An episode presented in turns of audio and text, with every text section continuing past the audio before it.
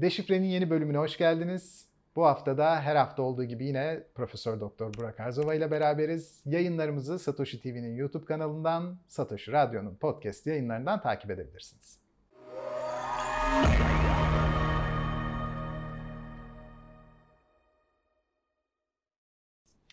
Hocam yine hoş geldiniz. Hoş bulduk, merhabalar. Hazır bir ekonomi profesörü bulmuşken şimdi biraz da akademik yönünden bakalım işe diyeceğim. Hocam ekonomi kitaptan öğrenilebilir bir şey midir yoksa mutlaka hayatın içinde mi öğrenilir? Kitaptan öğreneceğimiz çok şey var. Yani kitaplara baktığımız zaman o kitapların yazım süreci çok basit değil. Geçmiş deneyimler var, belirli teoriler var. Bu teorilerin ortaya çıkması sınanmayla alakalı hususlar. Dolayısıyla yeni teoriler üretmeyi gerektirecek bir durum olmuyor. O ve o kitaba uyduğunuz zaman aslında kitap doğruyu söylüyor. Kitabın içerisindeki o kurallar, kaideler uyulduğu zaman o sonuçların elde edileceği ortaya çıkıyor. Ama her zaman sadece kitaptaki yazanla hareket edebilmek de doğru değil. Örneğin e, uygulamalı bilimlerde hele bizim gibi yani sosyal bilimlerin içerisinde insan olgusunun olduğu yerde, işletmelerin canlı olduğu yerde biraz uygulamanın içerisinde de olmak ve uygulamanın nasıl hareket ettiğini bilmek daha sonra sizin o kitapta yazanlara anlam verebilmeniz açısından çok değerli hale geliyor. Hocam kitaplar teorik olarak kurgulandıklarında birbirlerinden bambaşka teoriler olarak da kurgulanabiliyorlar. Yani sosyalist ekonomi, liberal ekonomi gibi örneğin. Peki bu kurgular birbirlerine zıt olmalarına rağmen kendi içlerinde çok tutarlılar ve bütün dünyayı neredeyse kusursuz, tırnak içinde söylüyorum tabii, kusursuz şekilde algıladıklarını düşünüyorlar. Ve açık bir yerde bırakmıyorlar. Her şeyi belli mekanizmalarla ifade edebiliyorlar. Ruh halimizden neden bu tüketimi şu anda yaptığımıza kadar her şeye bir e, açıklamaları var. E, fakat bu açıklamalar bazen birbirine taban tabana zıt bile olabiliyor. Bu dünya görüşleri bizi kitabi bilgide şaşırtmaya uğratır mı yoksa içinde bulunduğumuz sisteme ilişkin kitabi bilgi okumak mı gerekir? Bence okumak gerekir. Yani eğer hangi sistemin içerisindeysek ya da hangi görüşe göre bir yakınlığımız varsa karşıt görüşü de okumak bizi zenginleştiriyor. Çünkü hep şöyle bir şey var yani zihnimize baktığımızda bu bir aslında süzgeç gibi düşünelim. Birçok şeyi oraya yığıyoruz ve kendi benliğimizi ve kendi bilincimizi ve kendi doğrumuzu oluşturabilmek için onların o süzgecin içerisinden çözümlenerek aşağı doğru inmesi gerekiyor. Yoksa sadece tek bir ortaya konulan görüş üzerinden ya da tek bir teorinin gerçekliğini kabul ederek gitmek diğerlerinin tamamını da reddetmek anlamına geliyor. Bugün belki yapılan yanlışlardan en büyüğü o. Biz bunu kendi güncel hayatımızda da yaşayabiliyoruz. Yani hep kendi dediğimizin doğru olabilmesi mümkün değil. Baş, bazen başkalarının dediklerinin de doğru olabileceğini kabul ettiğimiz anda o zaman başka yerlere gidiyoruz. Avrupa kültüründe bu genellikle oluyor. Uzlaşı olabiliyor, karşı tarafı dinlemek olabiliyor. Eğer karşı tarafın fikri bizimkinden daha doğruysa kendi fikrimizde inat etmemek gerektiğini kabul etmek onlarda olabiliyor. Bizde olmuyor. Biz hep kendi bildiğimizin doğru olduğunu yanlış olsa bile ileride bunun bize doğru sonuç vereceğini düşünerek hep o aynı yanlışta gidip her seferinde farklı sonuçlar beklediğimiz bir yaşam içinde geçiriyoruz hayatımızı. Çok doğru. Siz bunları anlatırken aklıma bir anım geldi. Ee, ben iktisatta okurken ikinci sınıfta filandım herhalde. Ya bir ya ikinci sınıf. İktisat tarihine bir profesörümüz gelip gidiyordu.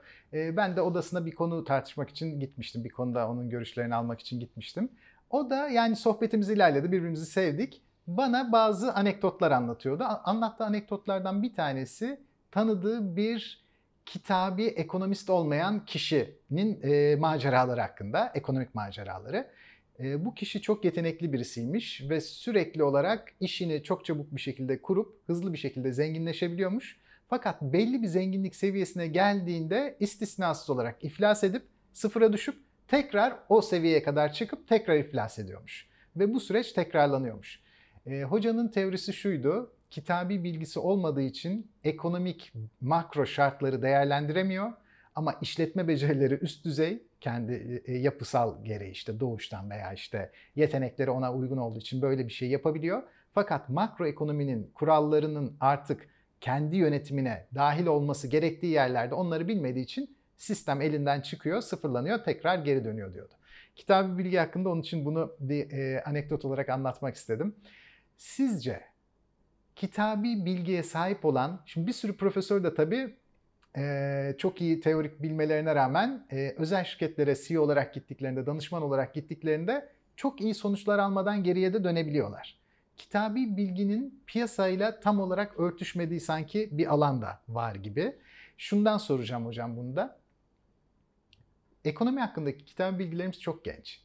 Sosyal bilimler felsefenin altından çok geç çıktılar. Yani 19. yüzyılda e, bilimleştiler diyebiliriz. Ekonomi de bunlardan biri. Adam Smith'i ilk yazar olarak düşünürsek zaten 18. yüzyıldan önce bir doğru düzgün değerli toplu sadece ekonomiye ayrılmış bir kitap yok gibi. Sizce hocam birkaç yüzyıl içinde ya da 200 yıl içinde kitabi bilgi bu kadar sağlam bir şekilde kendini koymuş ve e, meselenin çoğu ana arterini çözmüş olabilir mi? Yoksa gidilecek yol var mı? Yoksa buraya sadık kalmak mı bizi daha ileri götürüyor? Gidilecek çok yol var. Çünkü e, aslında baktığımızda bu da şeye benzedi. Bizim Beşiktaş'ın bir sözü var. Gidilecek çok deplasman var diye bir şarkımız vardır. Ben de hep onu söyleyince gidilecek ben çok yol var. Ben de bu arada. Aklıma oradan geldi. Şimdi tabii ki bilim sürekli olarak kendini yeniler ve her seferinde farklı yollar gösterir ve bu yolları aslında seçebilmek için o kitabi bilgi dediğimiz teorik altyapınızın da kuvvetli olması gerekiyor. Şimdi bir insanın profesör olmuş olması, doçent olmuş olması her türlü teorik bilgiyi bildiği anlamına da gelmiyor. Bazen öyle şeyler var ki işte daha önce 20 yıl önce okumuş olduğu teorik bilgiyi bugün unutmuş olan ve onu aslında yanlış hatırlayıp doğru ne olduğunu savunan kişiler de olabilir. Ama sonuç itibariyle kitap orada durduğu sürece ve teori orada durduğu sürece onun üzerine inşa edebileceğiniz çok alan var. Bugün bunu makaleler üzerinden çok görüyoruz ve bilim sürekli olarak yenileniyor. Yani her seferinde o ekonominin temel teorileri aynı kalmasına rağmen bunun uygulama alanları farklı farklı birçok yere uygulanabiliyor. İşte portföy teorisinden bahsediyoruz. Mesela modern portföy teorisi bunu aslında hisse senetlerine uygularken bugün bakıyoruz artık kripto varlıklar var. Kripto varlıklardan bir portföy oluşturabilir miyiz? Bunun üzerine tartışıyoruz. Kripto varlıklar içerisinde acaba hangi varlıkların daha etkin olabileceğini etkin portföy yönetimi üzerinden tartışmaya çalışıyoruz. Dolayısıyla bunların hepsi genel itibariyle yenilenerek ve farklı test unsurlarına tabi tutularak gidiyor ve yürüyor. Ama geçmişteki o teorilerin üzerine yeni teoriler eklenmiyor değil. Yeni teoriler de ekleniyor ve her seferinde yaşamış olduğumuz ülkelerdeki krizler, o krizlere yönelik olarak yapılan müdahaleler, mesela pandemi dönemini yaşadık. Ama daha evvelden Mesela e, Daniel Defoe'nun veba yılı günlükleri vardır. Onlar da çok ciddi bir pandemiye benzer şekilde veba yaşanan bir ülkeyi anlatır ve o ülkedeki İngiltere'dir. İngiltere'nin neler yaşadığını, neler çektiğini anlatır.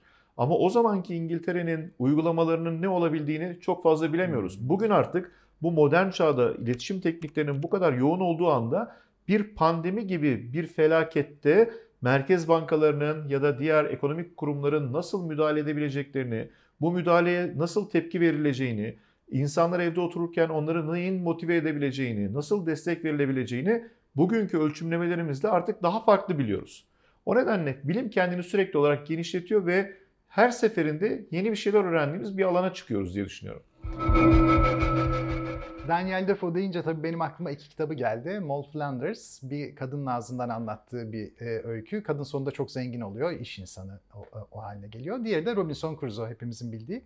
Robinson da ekonomiyle çok ilgili Moll Flanders gibi kapitalist bir bakış açısının doğayla karşı karşıya geldiğinde doğada ne gördüğüne ilişkin bize ciddi bir anlatı sunuyor. Çünkü Robinson adada toprak gördüğünde ekilip biçilecek bir alan görüyor orada. Hayvanlar gördüğünde onları yük hayvan olarak kullanmak. Keçiler, koyunlar gördüğünde, inekler gördüğünde etinden ve sütünden yararlanacak bir şey olarak görüyor. Denizi balık avlanacak bir yer olarak görüyor. Yani bir estet değil. Her şeyi öncelikle estetik değerleriyle değil, ekonomik değerleriyle, kendine doğrudan yarar sağlayacak değerleriyle bir homo economicus olarak görüyor.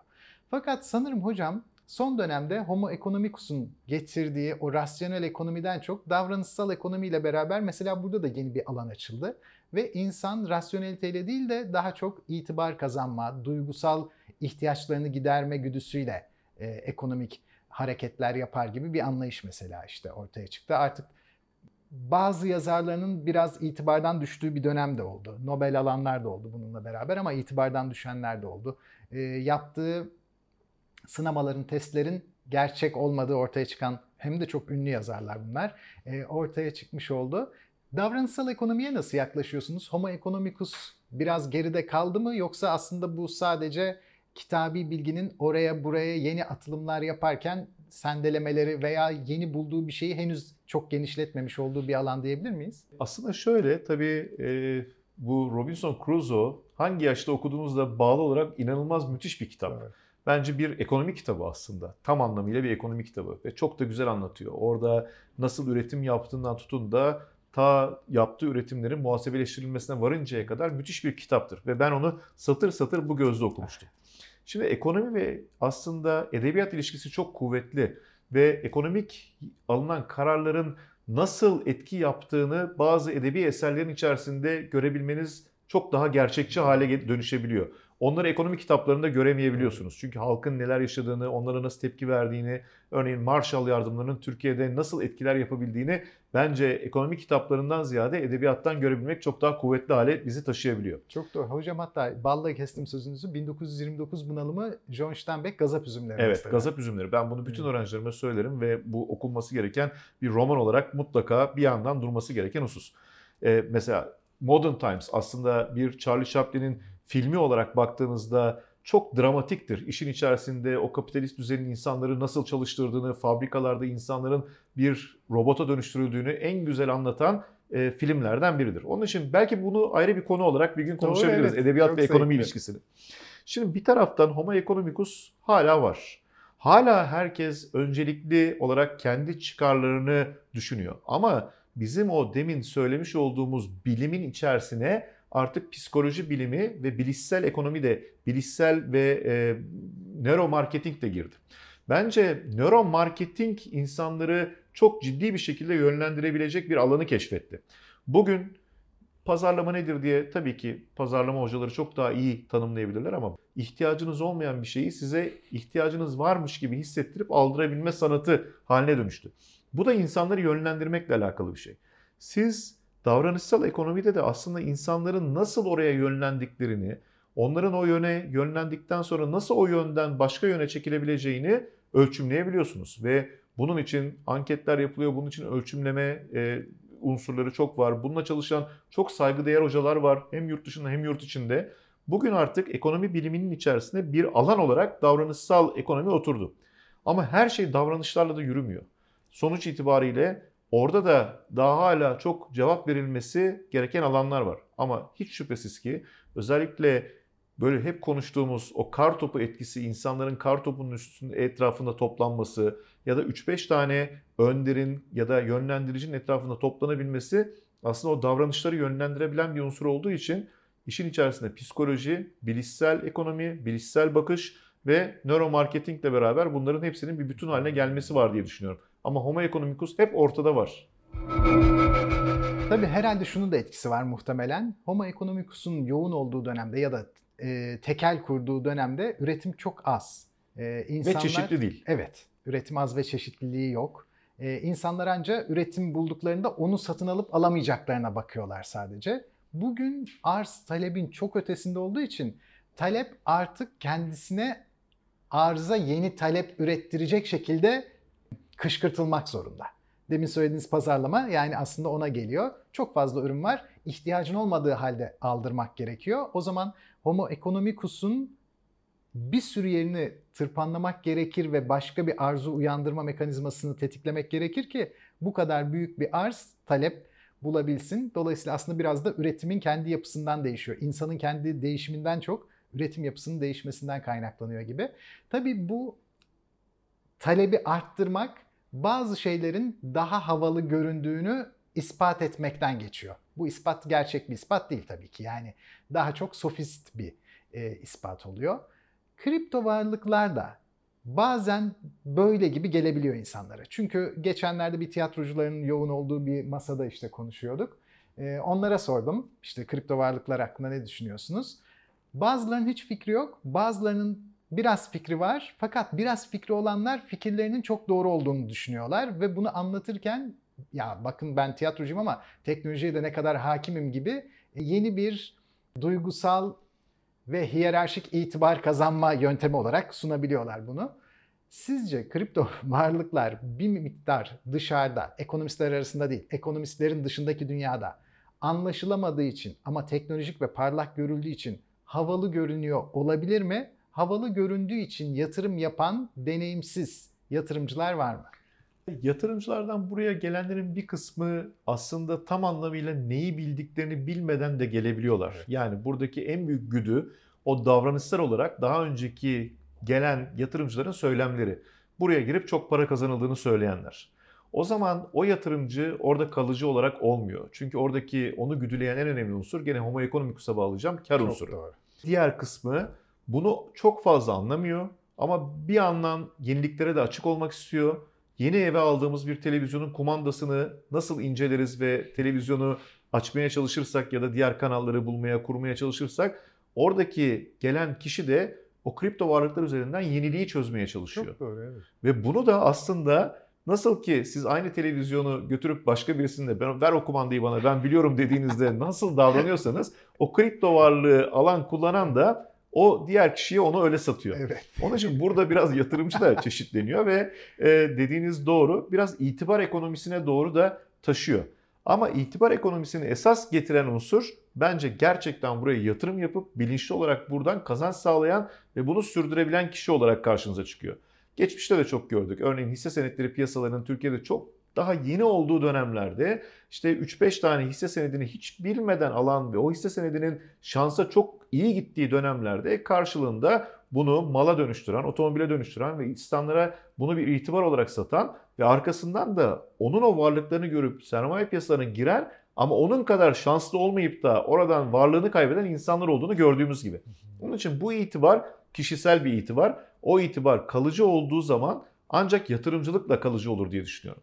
Çok güzel çıktınız işin içinden hocam. Hakikaten ikna oldum. Yani. o zaman Ger- başardım bunu. Gerçekten yani çok iyi çıktınız hakikaten işin içinden. Hocam kripto varlıklar sizin hep vurguladığınız gibi çok gençler ve henüz küçükler ve çok gençler. Bu yüzden üst üste onlar hakkında kitap çıkmaya devam etse de bir külliyat oluşsa da külliyat genellikle birbirinin aynı şeylerini söyleyen kitaplara dönüşmüş durumda. Yani bu külliyat birazcık yaratıcılıktan yoksun ve kendi içine kapanmış gibi görünüyor. Sizce henüz buluşu yapılmadı mı yoksa kripto varlıkların aslında happy topu şimdilik e, üzerine yazılabilecekler ince bir kitap cildi mi? Aslında çok şey var bence yazılabilecek. Felsefesi yazılabilir. Bunların gelecek yönlü beklentilerinin ne olabileceği konusuna ortaya konabilir. Mesela bende bir kitap var. Yanılmıyorsam ben bunu Metropolitan Museum'dan almıştım. Yani oradan aldığımı hatırlıyorum. Paraların hikayelerini anlatıyor. Mesela bunun içerisinde dolar var. Doların hikayesini anlatıyor. Ee, işte e, o zaman tabii mark vardı. Mark'ın hikayesini anlatıyor. Üzerindeki kartalın hikayesine varıncaya kadar ya da şekeli anlatıyor. Yani İsrail parasını anlatıyor falan. Böyle bir hikayeleştirmeyle gittiğiniz zaman ki şu anda en çok kullanılan şeylerden bir tanesi öykülendirme, hikayeleştirme daha çok ilgi çekebilecek kitaplara dönüşebilir diye düşünüyorum. Ama gerçekten yani baktığınız zaman öyle teknik kitaplar var ki ben mühendis olsam zor anlarım dediğim kitaplarla kripto varlıkları anlayıp çözemiyorsunuz ve her biri de maalesef bir de şu var e, bizim ülkemizde çok fazla okunma alışkanlığı ve dışarıdan kaynak bulma alışkanlığı olmadığı için o aynı kitap çerçevesinde diğerleri de küçük küçük onu taklit eder halde şekilleniyor. Bu birazcık da akademik tembellikten kaynaklanıyor diye düşünüyorum. Çok doğru. Çok katılıyorum hocam. Biraz da gençlikten dolayı sanki şöyle bir şey var. Yani alanın genç olmasından dolayı. Biz doların nasıl basıldığıyla çok ilgilenmeyiz normalde. Hangi kağıda basılıyor, filigramı ne kadardır, gramı ne kadardır, üstündeki gravür nedir, imza nerede olmalıdır. Şu anlık bize yabancı bir alan olduğu için kripto varlıkların teknik özellikleri daha çok yer tutuyor kitaplarda.